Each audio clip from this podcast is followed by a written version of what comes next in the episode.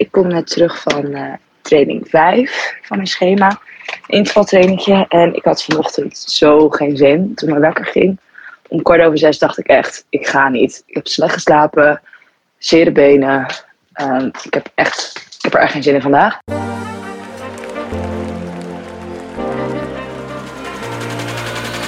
Ga je marathon lopen, dan heb je de keuze uit een gigantisch aanbod aan hardloopschoenen. Hoe maak je dan de juiste keuze? En zet je met duurdere schoenen ook een snellere tijd neer? Daarover en meer gaat deze aflevering van Mijn Eerste Marathon. De podcast waarin we Nick en Julia volgen, die trainen voor een eerste marathon in Amsterdam. En we gaan het hebben over het nut of niet van extra krachttraining. Het belangrijkste voor hardlopen is, is een goede core. Dat dus straks. Maar eerst nog een shout-out naar Mitsuno en sportorganisatie Le Champion. Door hen kunnen we deze podcast maken. Voor jou. Heb je eigenlijk al geabonneerd op deze podcast? Zou heel fijn zijn. Laten we snel beginnen. Ik ben Alton Edelgan. Deze aflevering alles over hardloopschoenen dus. Maar eerst naar onze lopers. Julia, uh, we hebben aan het begin van uh, deze podcast iets gehoord over je motivatiedip. Ben je er al een beetje overheen inmiddels? Inmiddels wel weer, ja. Ik heb uh, lekker gelopen. Gisteren, eergisteren. Goede rondjes. En uh, gaat goed, ja. Kon je blij. een beetje aanwijzen waar die vandaan kwam eigenlijk, die dip? Slecht geslapen, denk ja. ik. Ik was uh, druk op mijn werk vooral deze week. En dan maak ik soms wat kortere nachten.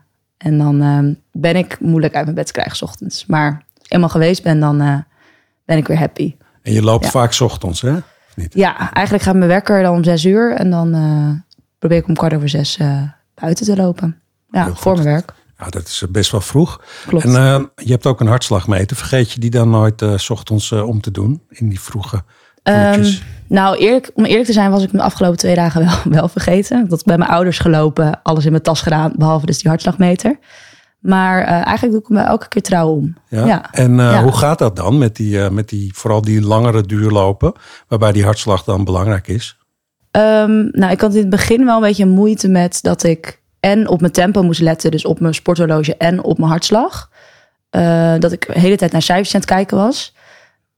maar nu gaat het wel goed. Ja, ik moet volgens die test tussen de 150 en 162 zitten. En ik zit eigenlijk elke keer onder de 150. Dus ik weet niet of ik dan te langzaam loop. Zelfs. Ja, eigenlijk ja. wel. Ja, nou ja, misschien kun je doen. dan uiteindelijk sneller ja. straks nog. Dat zou mooi zijn. Uh, we gaan even naar Nick. Want uh, we hebben het vorige keer gehoord. Toen hadden we hier zelfs beschuit met muisjes. Want je bent vader geworden. Ja, en je was in de wolken en het was een droombaby. Hoe is het nu? Ja, ja, de eerste week is het echt super goed gegaan met hem. nu is hij iets lastiger. Nog steeds niet lastig, maar... Nee, hij houdt ons af en toe wel goed wakker, ja. Ja, ja. en um, wat betekent dat? Dat je drie, vier keer per nacht eruit moet? Ja, die nachten zitten ertussen. Heftig, heftig. En dan, en dan je training, hè? dat is natuurlijk dan de vraag die we hier stellen. Ja, dat, dat komt je training niet te goede. Vertel, het, vertel, vertel. Wat Julia zei, slaaptekort en gewoon moe zijn, dat, dat herken ik wel. nee, ik heb de afgelopen twee weken twee keer wezen trainen. Dus dat als, het, als ik zo doorga, dan ga ik het sowieso niet halen. Oh jee, nou mooi uh, zou het zijn als je dan wel af en toe naar je schema kijkt. Of heb je die ook gewoon in de hoek gegooid? Um, nou ja, ik, ik probeer eigenlijk een uh, x aantal kilometers uh, per week te lopen. Um, ik kijk er wel naar, maar wel met pijn in het hart. Dus dat, want die heb ik absoluut niet gehaald over de afgelopen drie weken. Oké, okay. hoe, ga je, hoe ga je jezelf daar weer een beetje bovenop helpen dan? Wat denk je? Ja, dat is een hele goeie. Um, toch echt het proberen te vinden van een ritme met, met die kleine jongen. En dan ja, toch gewoon je trainingen daarop inpassen. Um, er, wa er, was ook nog even sprake van, dat is waarschijnlijk een beetje in het honderd gelopen, dat je uh, moest proberen langzamer te lopen. Nou heb je zo weinig gelopen dat dat misschien niet meer is gelukt. Of heb je er wel op gelet die twee keer? De eerste keer dat ik weer ging nadat hij geboren was, toen uh, heb ik eigenlijk uh, als een idioot hard gelopen. ik wou zo snel mogelijk weer thuis zijn. Uh, de tweede keer dat ik ben gaan lopen was ook een iets langere, was ongeveer 15, 16 kilometer. Toen heb ik wel echt geprobeerd in ieder geval niet boven de maximum snelheid, uh, tenminste de maximum tijd per kilometer uit te komen. Ja, en heb je dan ook op je hartslag gelet? Wat Julia net vertelde, dat ze onder een uh, bepaalde hartslag probeert te lopen? Um, ik hou mijn hartslag wel in de gaten via mijn horloge. Um, alleen ik heb geen hartslagband of zo. En mijn horloge is ook niet gigantisch nauwkeurig. Dus um, ik, ik, kijk er wel naar, maar ik, het is niet zo dat ik, uh, als ik zie dat het heel erg fluctueert, dat ik me daarop aanpas. Nee. Ook belangrijk is, uh, behalve hartslag waar we het over hebben en een beetje slaap, uh, is uh, toch het vinden van de juiste schoenen. En dat is helemaal niet makkelijk. Er is ontzettend groot aanbod van merken en typen en nou ja, laat staan de kleuren en alle andere dingen waar je ook nog uit kan kiezen. Um, dan kwam daar ook nog eens bij een paar jaar geleden dat er carbonplaten in schoenen werden gestopt, waardoor je nog iets sneller kon lopen dan, dan je gemiddeld zou doen. Nou, daar gaan we het uh, allemaal over hebben. Aangeschoven is uh, Leon Jacques van uh, Mitsuno. Hij is verantwoordelijk voor alle productinformatie aan winkeliers en aan consumenten. Kortom, hij weet alles over de juiste schoenen. Toch, Leon? Ja, ja, zo zou je het wel kunnen zeggen. Zeker. Ja, en ehm, ben je zelf ook een hardloper als ik vragen mag? Ja, wel al, al een tijd. Ik ben eigenlijk begonnen met voetbal. daarna gestopt. Een beetje geskateboard hier en daar, maar niet zo verdienstelijk. Uh, en uiteindelijk uh, overgestapt naar hardlopen. Met de verkeerde schoenen. En, uh, en daarna toch, toch een keer goed schoenen laten aanmeten. En ja, ik loop denk ik nu sinds mijn 15 nog. Ongeveer. Ja. Wauw, dat is al best lang. En komende oktober ook? nee, nee, komende oktober niet. Nee, ik, ik hou me echt wel een beetje op de korte afstanden. Maar, en misschien moet ik wel ingeschakeld worden om, om te helpen bij, bij de marathon zelf. Oh, nou, alle hulp is welkom. Dat hebben we inmiddels al geleerd hier bij onze podcast. Uh, Nick, jij hebt daar een app uh, over gestuurd. We hebben een groepsapp, dat is even voor de mensen die luisteren, waarin we informatie uh, uitwisselen over hoe het met de lopers gaat. En jij hebt, kan het zo zijn dat nieuwe schoenen ervoor zorgen dat je zonder enige moeite 15 seconden per kilometer harder loopt dan normaal? ja? Ja, nee, dat klopt. klopt dat? dat? klopt absoluut. Ik liep al een hele tijd op hetzelfde set schoenen. die waren dus ook aanzienlijk versleten. En toen kreeg ik uh, een nieuw set schoenen. En dat, dat, dat ging echt aanzienlijk beter. Uh, weet ik niet of dat dan specifiek door alleen de schoen komt. Of ook gewoon de, het enthousiasme van, hey, ik heb nieuwe schoenen. Zou zeker aan de schoen kunnen liggen, inderdaad. een stukje motivatie helpt daarbij vaak ook. Dat je op het moment dat je nieuwe schoenen hebt, dat je denkt, oh jemig, let's go. Dit voelt zoveel beter dan wat ik heb gehad. dus maar Nick, had jij het ook gemeten dat je sneller ging, daadwerkelijk, op die nieuwe schoenen? Uh, nee, ja, echt de tijden uh, waren echt uh, aanzienlijk sneller. Dus het, de, mijn, mijn, inspanning was niet hoger, ehm, maar uh, mijn tijden waren wel echt gewoon 15 eh, seconden per kilometer sneller. Wauw, en hoe voelde het? Voelde het ook meer alsof je zweeft of dat je sneller ging? Het, het voelde heel gemakkelijk. Ik had het in, tijdens de loop ook helemaal niet door. Echt pas toen ik terug was en thuis naar de, naar de data ging kijken, had ik echt zoiets van wow, dit had ik niet verwacht. Ik had wel verwacht dat ik iets sneller zou zijn, maar niet zoveel sneller. Oké. Uh, Leon, hoe um, is dat met het vervangen van schoenen? Wanneer moet je weer een nieuw paar gaan uh, laten aanmeten? Ja, de stelregel die heel veel merken hanteren is wel 800 eh, tot 1000 kilometer. Een beetje afhankelijk van je eigen loopstijl. Het kan zijn dat je er wat langer mee door kan. En we horen ook wel eens mensen die zeggen... oh, jemig, ik heb 1500 kilometer op de schoen gelopen. maar het komt ook wel voor dat als je een wat zwaardere loopstijl hebt... of heel erg op die hakland... en je bepaald deel van de schoen dus extra belast... Uh, dat je zomaar na 600 kilometer door die schoen heen bent. Ja, en dan zou je ze toch echt even moeten vervangen. Maar... En, en wat betekent dat, dat je door de schoen heen bent? Wat is er dan stuk of wat werkt er niet meer? Eigenlijk is het altijd de demping. Uh, vaak zie je heel weinig aan de schoen. Dus het, het, bovenwerk en dat hele materiaal is nog helemaal intact. Uh, maar de demping druk je er gewoon doorheen. Je praat ongeveer over een impact van twee, soms wel drie, vier, vijf keer het lichaamsgewicht. Elke stap die je zet ja, dan, dan krijgt zo'n eh, schoen eigenlijk flink op zijn donder. En uh, ja, die moet uh, na zoveel tijd gewoon vervangen worden. Ja, dus je ziet het niet aan de buitenkant. Maar het is goed misschien om ook even een beetje bij te houden hoe lang je dus op die schoenen loopt al. En het aantal kilometers. Ja, zeker. En uh, veel mensen lopen tegenwoordig met een app. Of inderdaad houden het bij op Strava of met een Garmin of met een Polar. Of ja, welke device dan ook, je smartwatch. En daar kan je het wel in bijhouden. Dus dan kan je voor, bij de meeste kan je dus ook eh, je, eh, je schoenen daaraan linken. En eh, dat stopt. Dan kan je op die manier inderdaad gewoon zien... oh, ik heb op deze schoen 400 kilometer gelopen. Sommige mensen lopen op meerdere paren schoenen. Nou, dan kan je het per paar gewoon bijhouden. En op die manier kan je, kan je wel een beetje in de gaten houden... of je schoenen aan vervanging toe zijn. Is daar een soort check voor? Dat je dat zelf kan voelen of kan zien? Je kan wel het een en ander zien aan de, aan de slijtsel, zeg maar, het deel wat echt contact maakt met de grond. Daar kan je vaak ook wel aan zien eh, of er een heel deel is afgeschaafd, want eh, daar ga je het ook wel aan zien. Eh, maar voor de rest is het toch ook wel een kwestie van voelen. Vroeger zeiden ze wel eens, als je hem eh, door kan buigen, die zool, dan is het niet meer goed. Ja, dat gaat tegenwoordig bij de schoenen van nu bijna niet meer op, omdat er soms een hele af- andere afwikkeling in de schoen zit. Dus dat maakt het wel lastig om te zien nu. Ja. Ja, en zo'n carbonplaat, daar gaan we het straks over hebben, die kun je natuurlijk niet zomaar buigen. Dat is natuurlijk ook zo. Nee, dat wordt een dingetje. Hey, eh, Julia, je, ik hoorde het al net een beetje. Je, je bent op zoek toch nog naar de juiste schoenen. Klopt dat? Ja, nou ja, inmiddels heb ik nu eh, denk ik wel de juiste schoenen gevonden.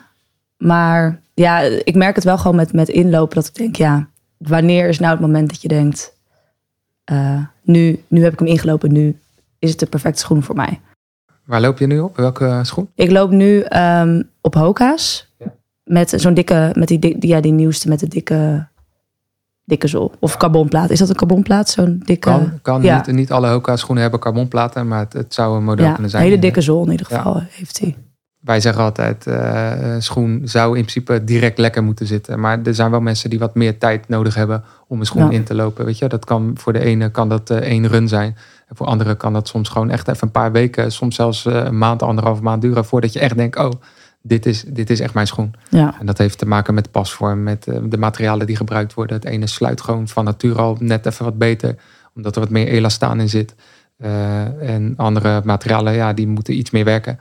En eh, dan kan het iets te langer duren voordat je echt denkt van, oh, dit, nu heb ik hem ingelopen. Nu volgens mij eh, is dit wel de schoen waar ik lekker op kan lopen. Ja. Ik ben ook gewisseld van schoen. Ik had eerder gewoon normaal, of tenminste neutrale schoenen en nu dan deze. Dus Mhm. misschien heeft dat er ook nog mee te maken. Ja, dat dan- kan. Dat, omdat er eh, heel veel verschil zit ook in de afwikkeling. Het kan zijn dat die eh, schoen voor jou in de afrol wat stijver is. Maar ook Ja. dat de stand van de schoen, eh, dus het hoogteverschil in een schoen, eh, anders kan zijn. Ja, en dat zorgt ervoor dat jij je lichaam ook even moet aanpassen. Hoe is dat bij jou, Nick? Ja, Ehm, jij had dus op een gegeven moment nieuwe schoenen aan en het was heerlijk.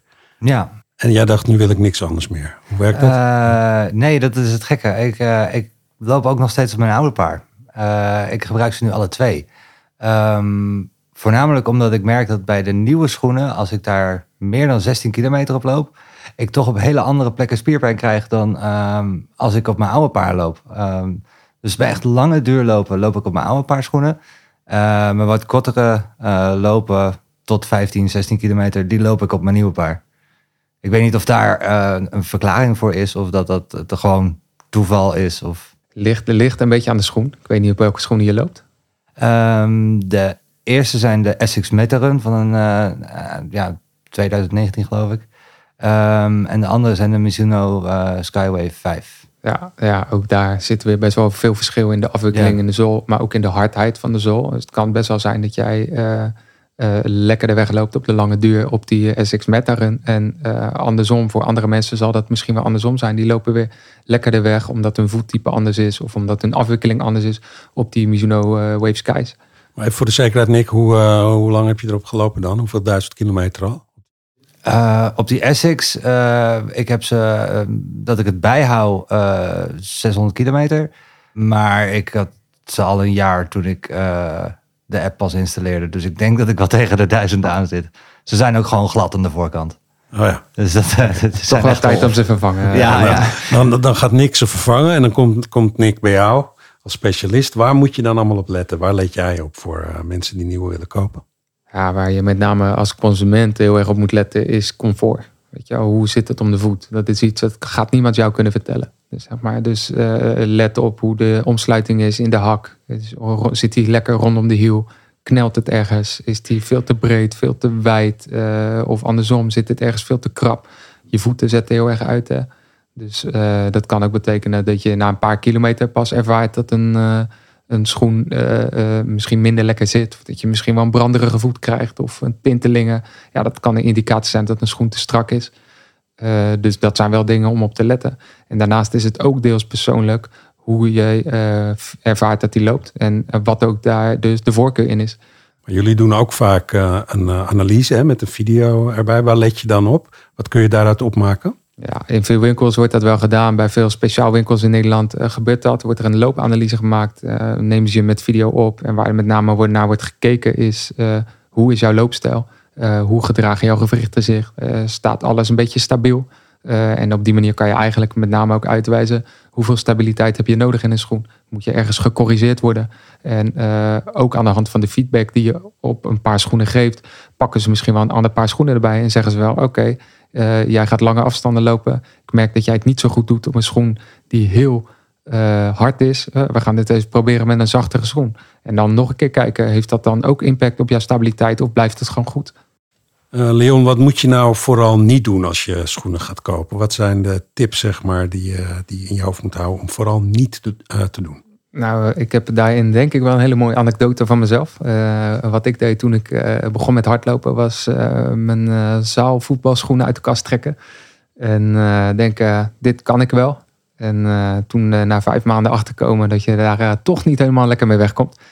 dat wil zeggen, dikke shinsplints, scheenbeenvliesontsteking en hardnekkig. Die hielden ook heel lang aan.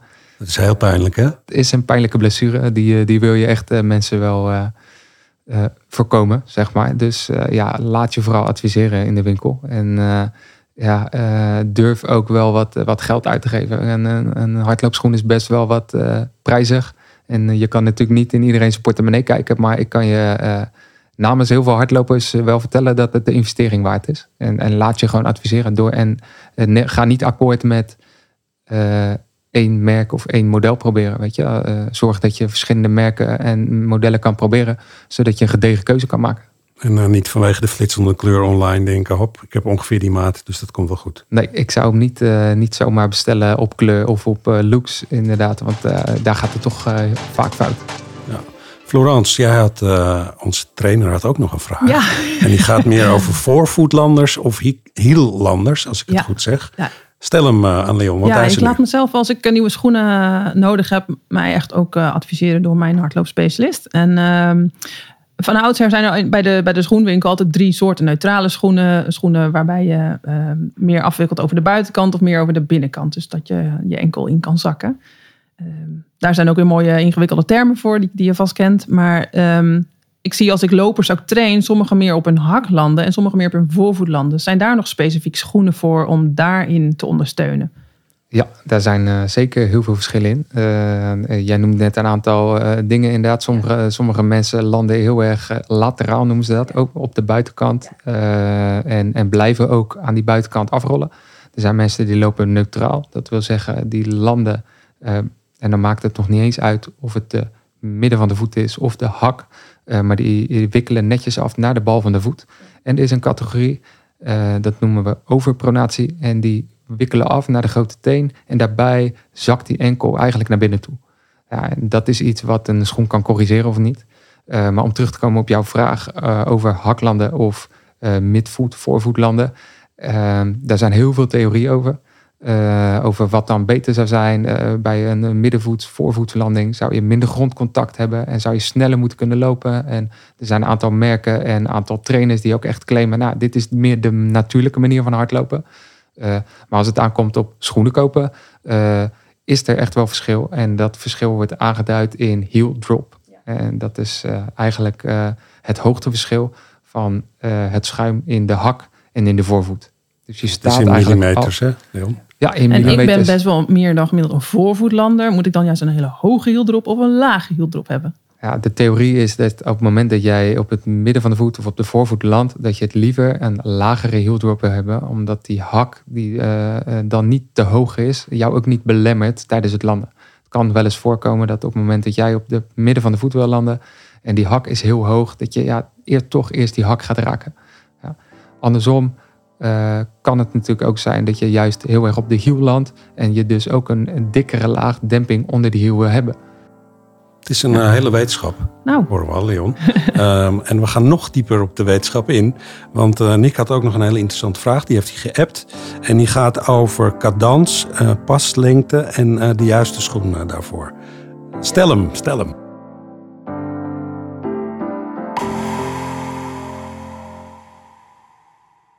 Ja, ik ben natuurlijk eh, aan het zoeken geweest naar, ook naar nieuwe schoenen. Ehm, daarbij kwam ik een filmpje tegen van een, eh, van een schoenmerk... wat eh, echt een specifieke schoen had ontwikkeld voor mensen die...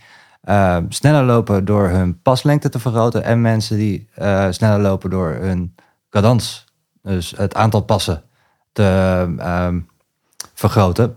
Ehm, dat is echt twee spe- specifieke andere schoenen en echt ook met een hele andere theorie erachter eh, voor ontwikkeld. Is dat nou gewoon puur marketing of... eh, En eh, was het dan zo dat, dat dit twee verschillende theorieën zijn? Begrijp ik dat goed? Nou, de ene schoen was echt ontwikkeld voor mensen die sneller lopen door hun pas te vergroten. En de andere schoen was van hetzelfde merk, ehm, alleen ander type.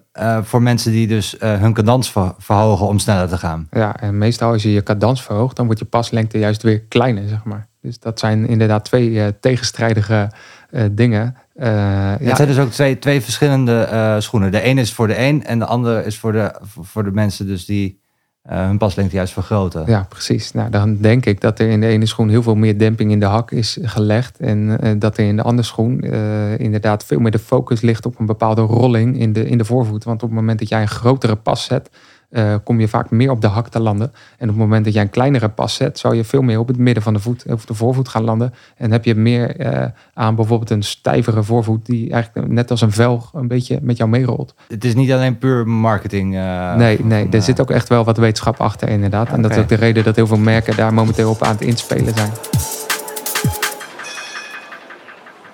Nou, dat is een goede vraag. Ehm, iets wat eh, als een soort revolutie in hardloopland eh, eh, wordt gezien is eh, de carbonplaat. We moeten het er toch maar even over hebben, Leon. Ehm, het zou zijn dat topatleten wel 4% van hun record af konden lopen. Alleen maar door die carbonplaten. En voor mij zou het 10 minuten van mijn eh, marathontijd, als ik die al haal, eh, af, af betekenen. Moeten we die nu allemaal gaan kopen massaal? Ja, dat zou een hele mooie, mooie ontwikkeling zijn natuurlijk, als dat voor iedereen geldt. Eh, ja, in de praktijk zien we dat dat eh, niet zo is. Uh, eigenlijk zoals ik net zei hè, in het antwoord op de vorige vraag. Vaak de snellere loper landt veel meer op het midden en de voorvoet. Dus, en die carbonplaat die speelt daar heel goed op in. Het carbon is gemaakt om niet te verbuigen. En uh, die zit er eigenlijk een beetje voorgevormd in. Een beetje als een lepel. Dus hij staat een beetje omhoog. En dat zorgt er eigenlijk voor dat een schoen op het moment dat jij voldoende voorwaartse snelheid hebt, uh, echt met jou meerolt. En daarom ja, kost het jou minder energie en word je eigenlijk gewoon voorwaarts gestuurd. Uh, dus in die zin zou het zeker kunnen helpen. Maar op het moment dat jij een traditionele recreant bent, die niet die voorwaartse snelheid heeft, uh, dan zal het je helemaal niet gaan helpen. En zeker niet op het moment dat jij heel erg op die hak landt, dan gaat zo'n plaat niet heel veel voor je doen. Want dan komt de impact met name op de achterkant van de schoen. Dan zou je er misschien zelfs wat langzamer door kunnen gaan lopen, omdat je denkt van, huh, dat voelt gek. Dat zou kunnen, inderdaad. En ik moet zeggen, ik uh, loop zelf nog wel eens over de boompjes in Rotterdam. En uh, daar zie ik ook wel eens een, een, een gros mensen lopen die inderdaad ja, echt aan het klappen zijn op de schoen. En dan hoor je eigenlijk al aan de, aan de afwikkeling dat het voor hen niet efficiënt verloopt. En dan kijk ik, wat hebben ze aan de voeten? En in veel gevallen is dat dan toch zo'n carbonschoen. Of zaalvoetbalschoenen. Of zaalvoetbalschoenen, ja. Ik, had het ook zo kunnen zijn, inderdaad. Ja. Hey Florence, heb jij ze wel eens uh, geprobeerd, die carbonschoenen? Nee, ik heb, nog, ik heb daar ook niet specifiek naar gevraagd. Ik ga naar mijn hardloopspecialist. Ik geloof dat ik nu, ik heb het even opgezocht, omdat het nu over, over schoenen gaat. Ik heb een foam sole en een speedroll technology. Eigenlijk kan het mij helemaal niet boeien, zeg maar. Ik, ik ben echt iemand die op gevoel loopt. Dus als ik naar de winkel ga, wil ik dat hij meteen lekker zit. Ik wil er ook niet een maand over hoeven doen. Hij moet of zitten als een pantoffeltje voor mij, ja. of ik koop hem niet. Nee. Dus ja. het, is, het is wel interessant hè, voor als je onder de twee uur de marathon wil lopen. En dat is toen ook gebeurd, denk ik. Dat waren dat soort schoenen. Denk ik, maar voor de rest goed, uh, goed oppassen. Helemaal helder. Um, wat zijn, Leon, uh, populaire modellen van Mitsuno die, uh, die nu veel verkocht worden? Nou, een van de meest populaire modellen is de, eigenlijk de klassieke Wave Rider. Dat is uh, een model wat uh, al sinds 1906 of 1997 uh, wordt gemaakt. ja, dat is een model wat gebruikt wordt voor de neutrale loper, vaak ook de wat lichtere loper. en die, die is heel populair, met name omdat hij echt wel een heel specifiek gevoel heeft. Ja, en daar zijn er nog verschillende van.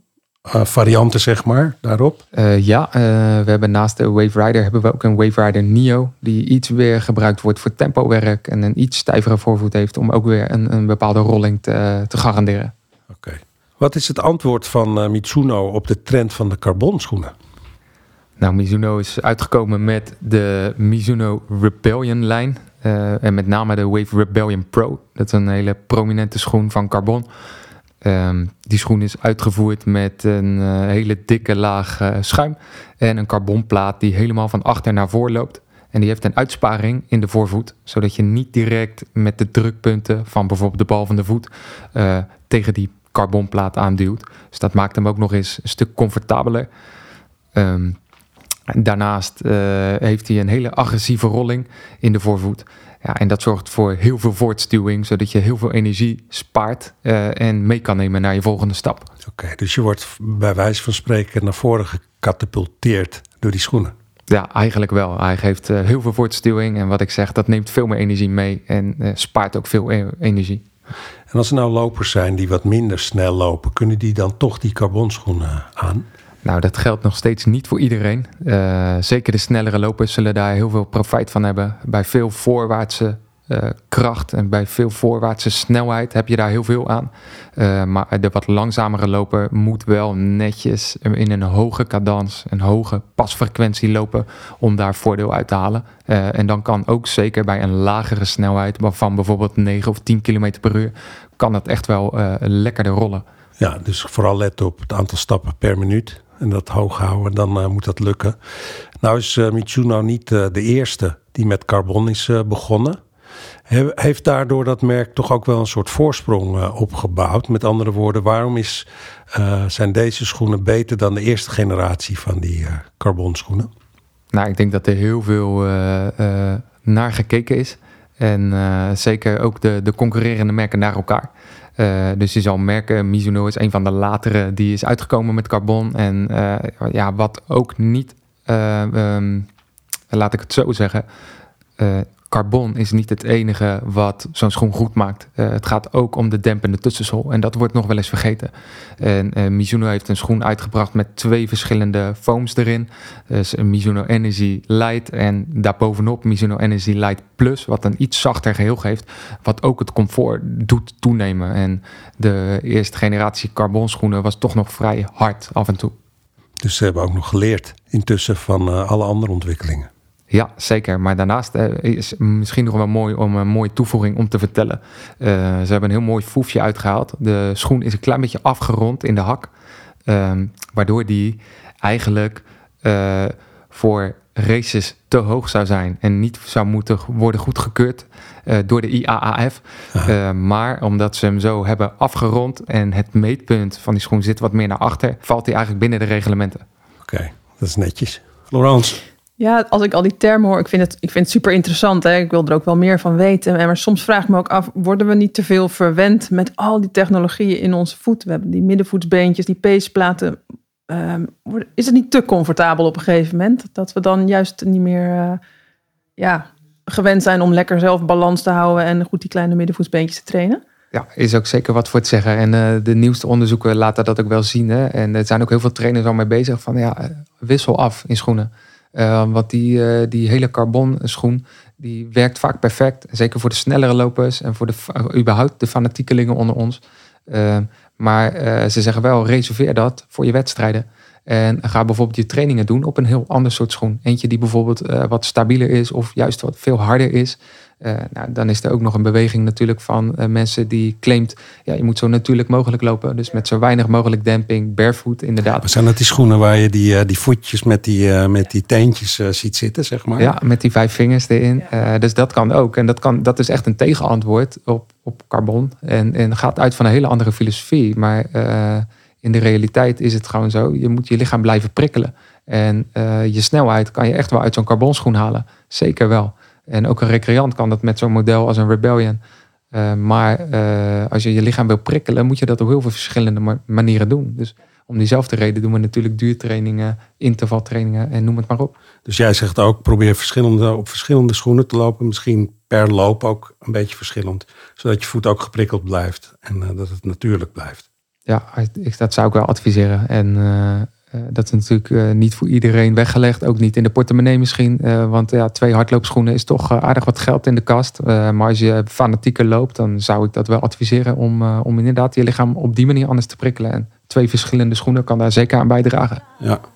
Nou, Leon, bedankt voor al je wijsheid en je wetenschap ook die je met ons wilde delen. We hebben zomaar vier, vijf tips gehad uit uh, prachtige verhaal. Dank daarvoor.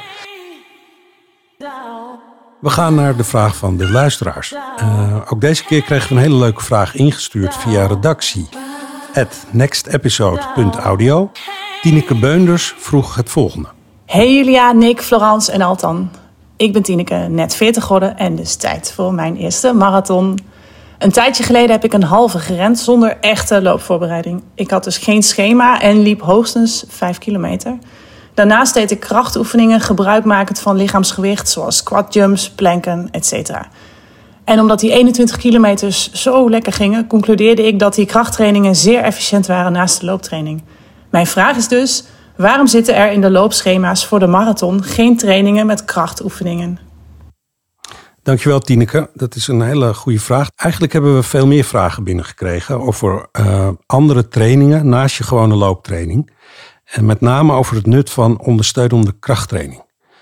Ook bijvoorbeeld omdat het uh, blessures zou kunnen voorkomen. Nick, doe jij naast uh, het verzorgen van de baby en het hardlopen nog iets met krachttraining?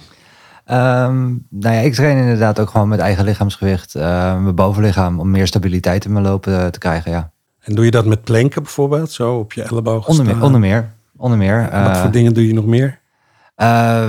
Ja, gewoon uh, sit-ups, Russian twist. Russian, nou. dat doe je toch tegenwoordig niet meer, Russian. Wat is dat? nee, is dat je je benen omhoog houdt en dan je bovenlichaam telkens van de ene kant naar de andere kant draait. Oh ja. Um, voor je zij, zij voor je zijspieren, ja, echt. Ja. Uh, maar voornamelijk uh, ja, bovenlichaam trainen voor meer stabiliteit tijdens het lopen. Ja. En dat merk je ook tijdens het lopen, dat je daardoor wat sterker en steviger. Uh, ik ben ermee begonnen omdat ik uh, tijdens wat langere duurlopen gewoon last van mijn rug kreeg. Um, en dus echt ook merkte aan mijn lichaam dat, dat, dat ja, mijn benen waren heel sterk van het longboarden. Maar mijn bovenlichaam niet. dus, je onderrug met name misschien. Ja, ja, ja, ja. Noem, het, noem het je core. Je ja, core bedoel je. ja. ja. Ja. voordat mensen straks allemaal uh, armtrainingen, bicep en tricep trainingen gaan doen. Het, het, is goed om, om natuurlijk armspieren te hebben. Maar het belangrijkste voor hardlopen is, is een goede core. Want vanuit de looptechniek zet je in vanuit je heup, vanuit je romp. Ja, en voor mensen die het echt niet weten, wat is je core je precies? Core, je buikspieren, je rugspieren, die zitten vast aan je bekken. En die wil je, je bekken wil je stabiel houden tijdens de loopbeweging. Zodat je zo min mogelijk blessures oploopt, maar ook efficiënter gaat lopen. Dus uh, buikspieroefeningen en rugspieroefeningen. Nou zijn er ook allerlei variaties in. Begin ja. altijd, zeg ik, met het opbouwen van de kleine uh, buikspieren en rugspieren. Um, want daar bouw je de stabiliteit mee op. Als die voldoende zijn, kun je de grote buikspieren en ook die zij, de obliques, zoals we ze ook wel eens noemen, uh, verder uitbouwen. Maar...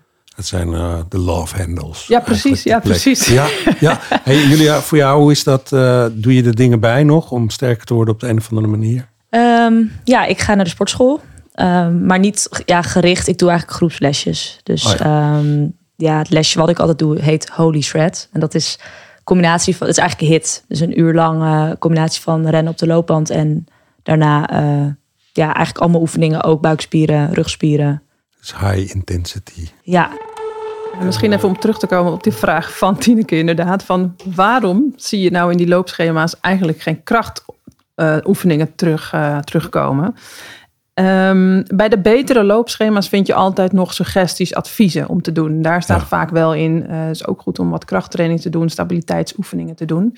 Um, in de klassieke loopschema's zie je echt dat het gericht is op loopspecifieke trainingen om je schema en kilometers uit te bouwen. Ik ben zelf altijd ook echt een fan van uh, het creëren van voldoende spierkracht in je spieren, voor, voornamelijk van die core. Ja. Um, en ik zou zeggen, doe, doe in ieder geval twee keer per week werk aan die basis, zodat je voldoende kracht in je core en je been- en bilspieren hebt. Ja, en kun je wat noemen? Wat voor oefeningen zijn dat?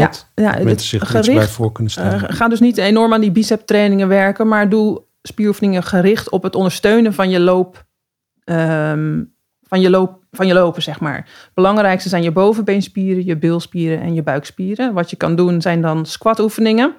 Ehm, uitvalspassen, daar kan je op zoeken. Lunches, eh, wordt het ja, dat noem je ook wel lunches inderdaad. Ja. Ehm, ehm, de plank kan, maar je hebt ook wat lichtere eh, variaties van buikspieroefeningen die je kunt eh, doen. Ja. En dat zijn de belangrijkste. Ja, dus ook korte buikspieroefeningen, weet je. Dus niet meteen volop eh, aan de gewichten hangen en denken Nee, dan... eh, nee al, al lig je alleen een maar op, op de grond en je, je, je duwt eigenlijk je bekken omhoog, dat je een soort bruggetje maakt. Dat is goed voor je onderrug. Eh, vanuit die positie kan je ook één been even proberen op te tillen. Nou, dan voel je echt al wel die lage buikspieren. Ja, Ja. ja. En eh, het is niet de bedoeling, dat zeg je eigenlijk ook al, om heel hard te trainen. Want dan zou je, door, ook door het gewicht van de spieren die je in je bovenlichaam kweekt, het misschien nog wel zwaarder kunnen krijgen op je marathon. Ja, het is geen, eh, geen beauty contest. wie heeft de grootste biceps Nee. tijdens de marathon van Amsterdam. Dus je, wil, je wilt echt de training doen zodat je, dat je lopen ondersteunt. Dus ehm, veel mensen die doen zittend werk eh, overdag en die hebben hele luie bui- eh, bilspieren. Dus die zou ik vooral ook trainen. En die is ook belangrijk om die, die romp eh, stabiel te houden, zodat je minder doorzakt in je heupen. Daardoor krijg je minder kans op blessures in knieën, enkels of de, de onderrug. En dat hoeft maar een paar minuutjes per eh, Ja, dag. ik zou twee keer per week, misschien. eh kwartiertje, een half uurtje, misschien hooguit wat aanvullende oefeningen doen. Daar kan je op internet prima setjes eh, van variaties op vinden. Wat zijn de beste krachtoefeningen oefeningen om te doen voor hardlopers? Zou ik dan zoeken. Ja. Oké, met de juiste schoenen ben je dus al een heel eind op weg. Maar die weg is nog best lang. Dus eh, laten we even kijken wat er eh, voor eh, Nick en Julia de komende twee weken op de rol staat. Hebben jullie al een beetje vooruit durven kijken naar jullie schema? Nick, vertel eens. Nee, vooruit durven kijken eigenlijk niet. Ik weet dat ik meer moet gaan trainen. Ik wil graag meer trainen, want wat Julia eerder ook al zei, na afloop voelt het altijd wel echt goed en het geeft ook energie. Ehm, maar nee, ja, ik, ik, moet, ik wil gewoon echt graag een ritme vinden met die kleine en dan eh, daar eh, de hardlooptrainingen tussendoor pakken. Ja, we halen de trainer er ook maar even Ja. bij, Florence. Is het nou niet een kwestie van dat hij eerst zijn rust weer moet vinden? Om vervolgens eh, dan weer te kunnen trainen. Want anders wordt het misschien wel een Ja, definieer rust. Kijk, als je 3,5 uur per nacht slaapt, is dat echt wel een aanslag op, op je lijf natuurlijk ook. Ehm, ik denk dat het juist belangrijk is dat, dat je jezelf afvraagt, wat bedoel ik met ritme zoeken met die kleine? Dus kijk wat je kan doen om, ehm, al is het maar dat je een half uurtje gaat lopen, maar dat je wel in die schoenen stapt, weer even die kleding uitzoekt, even naar een route kijkt en dat je dat ritme uit, eh, uit blijft bouwen voor jezelf. En, en besef ook voor jezelf van ja, hoe wil ik die marathon gaan lopen? Ik bedoel, het vaderschap is meteen wel echt een switch.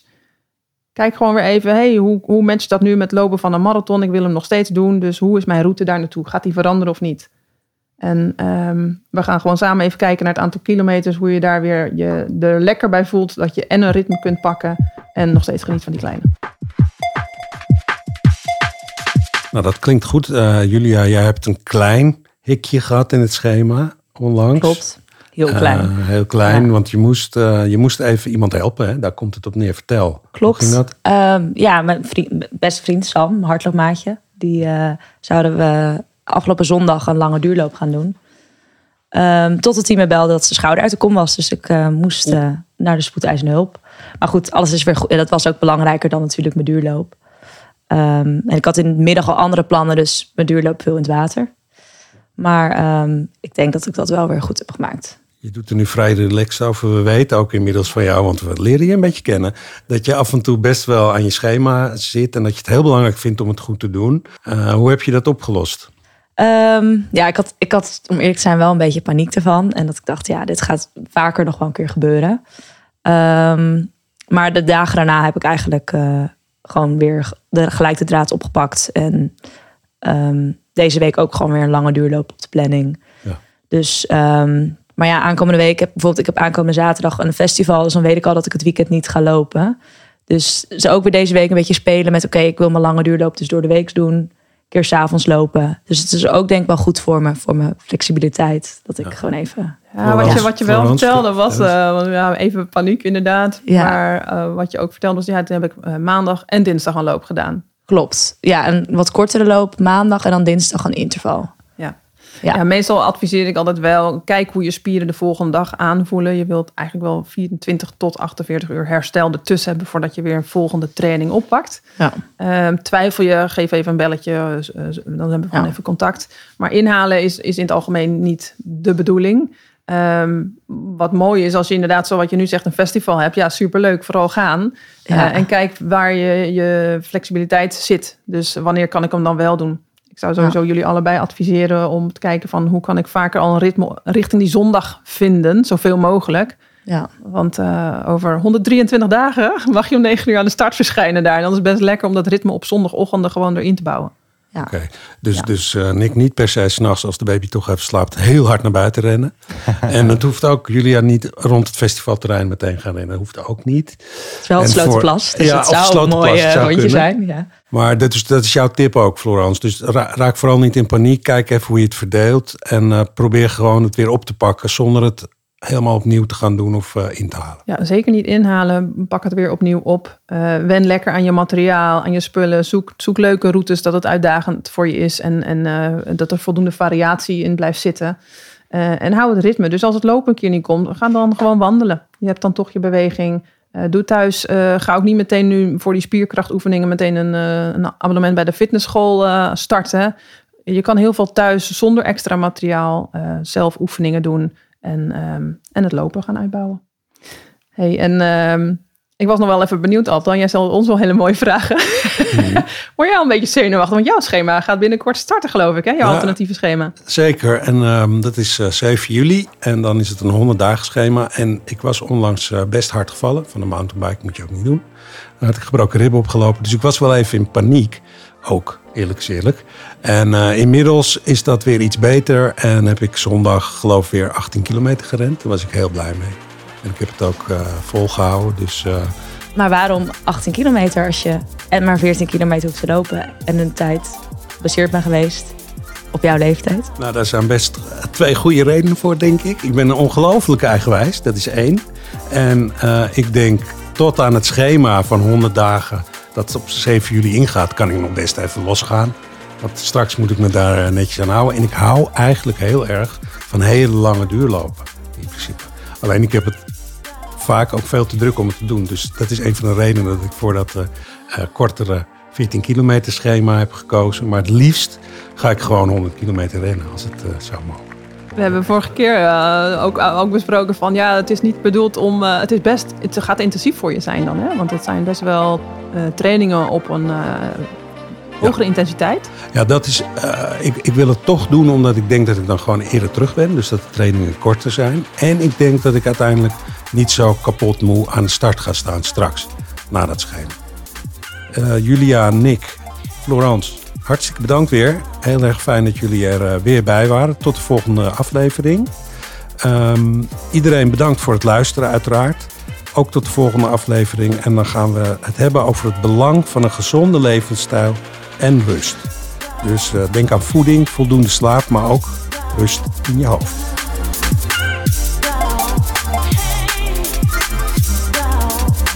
Deze podcast is een productie van Next Episode.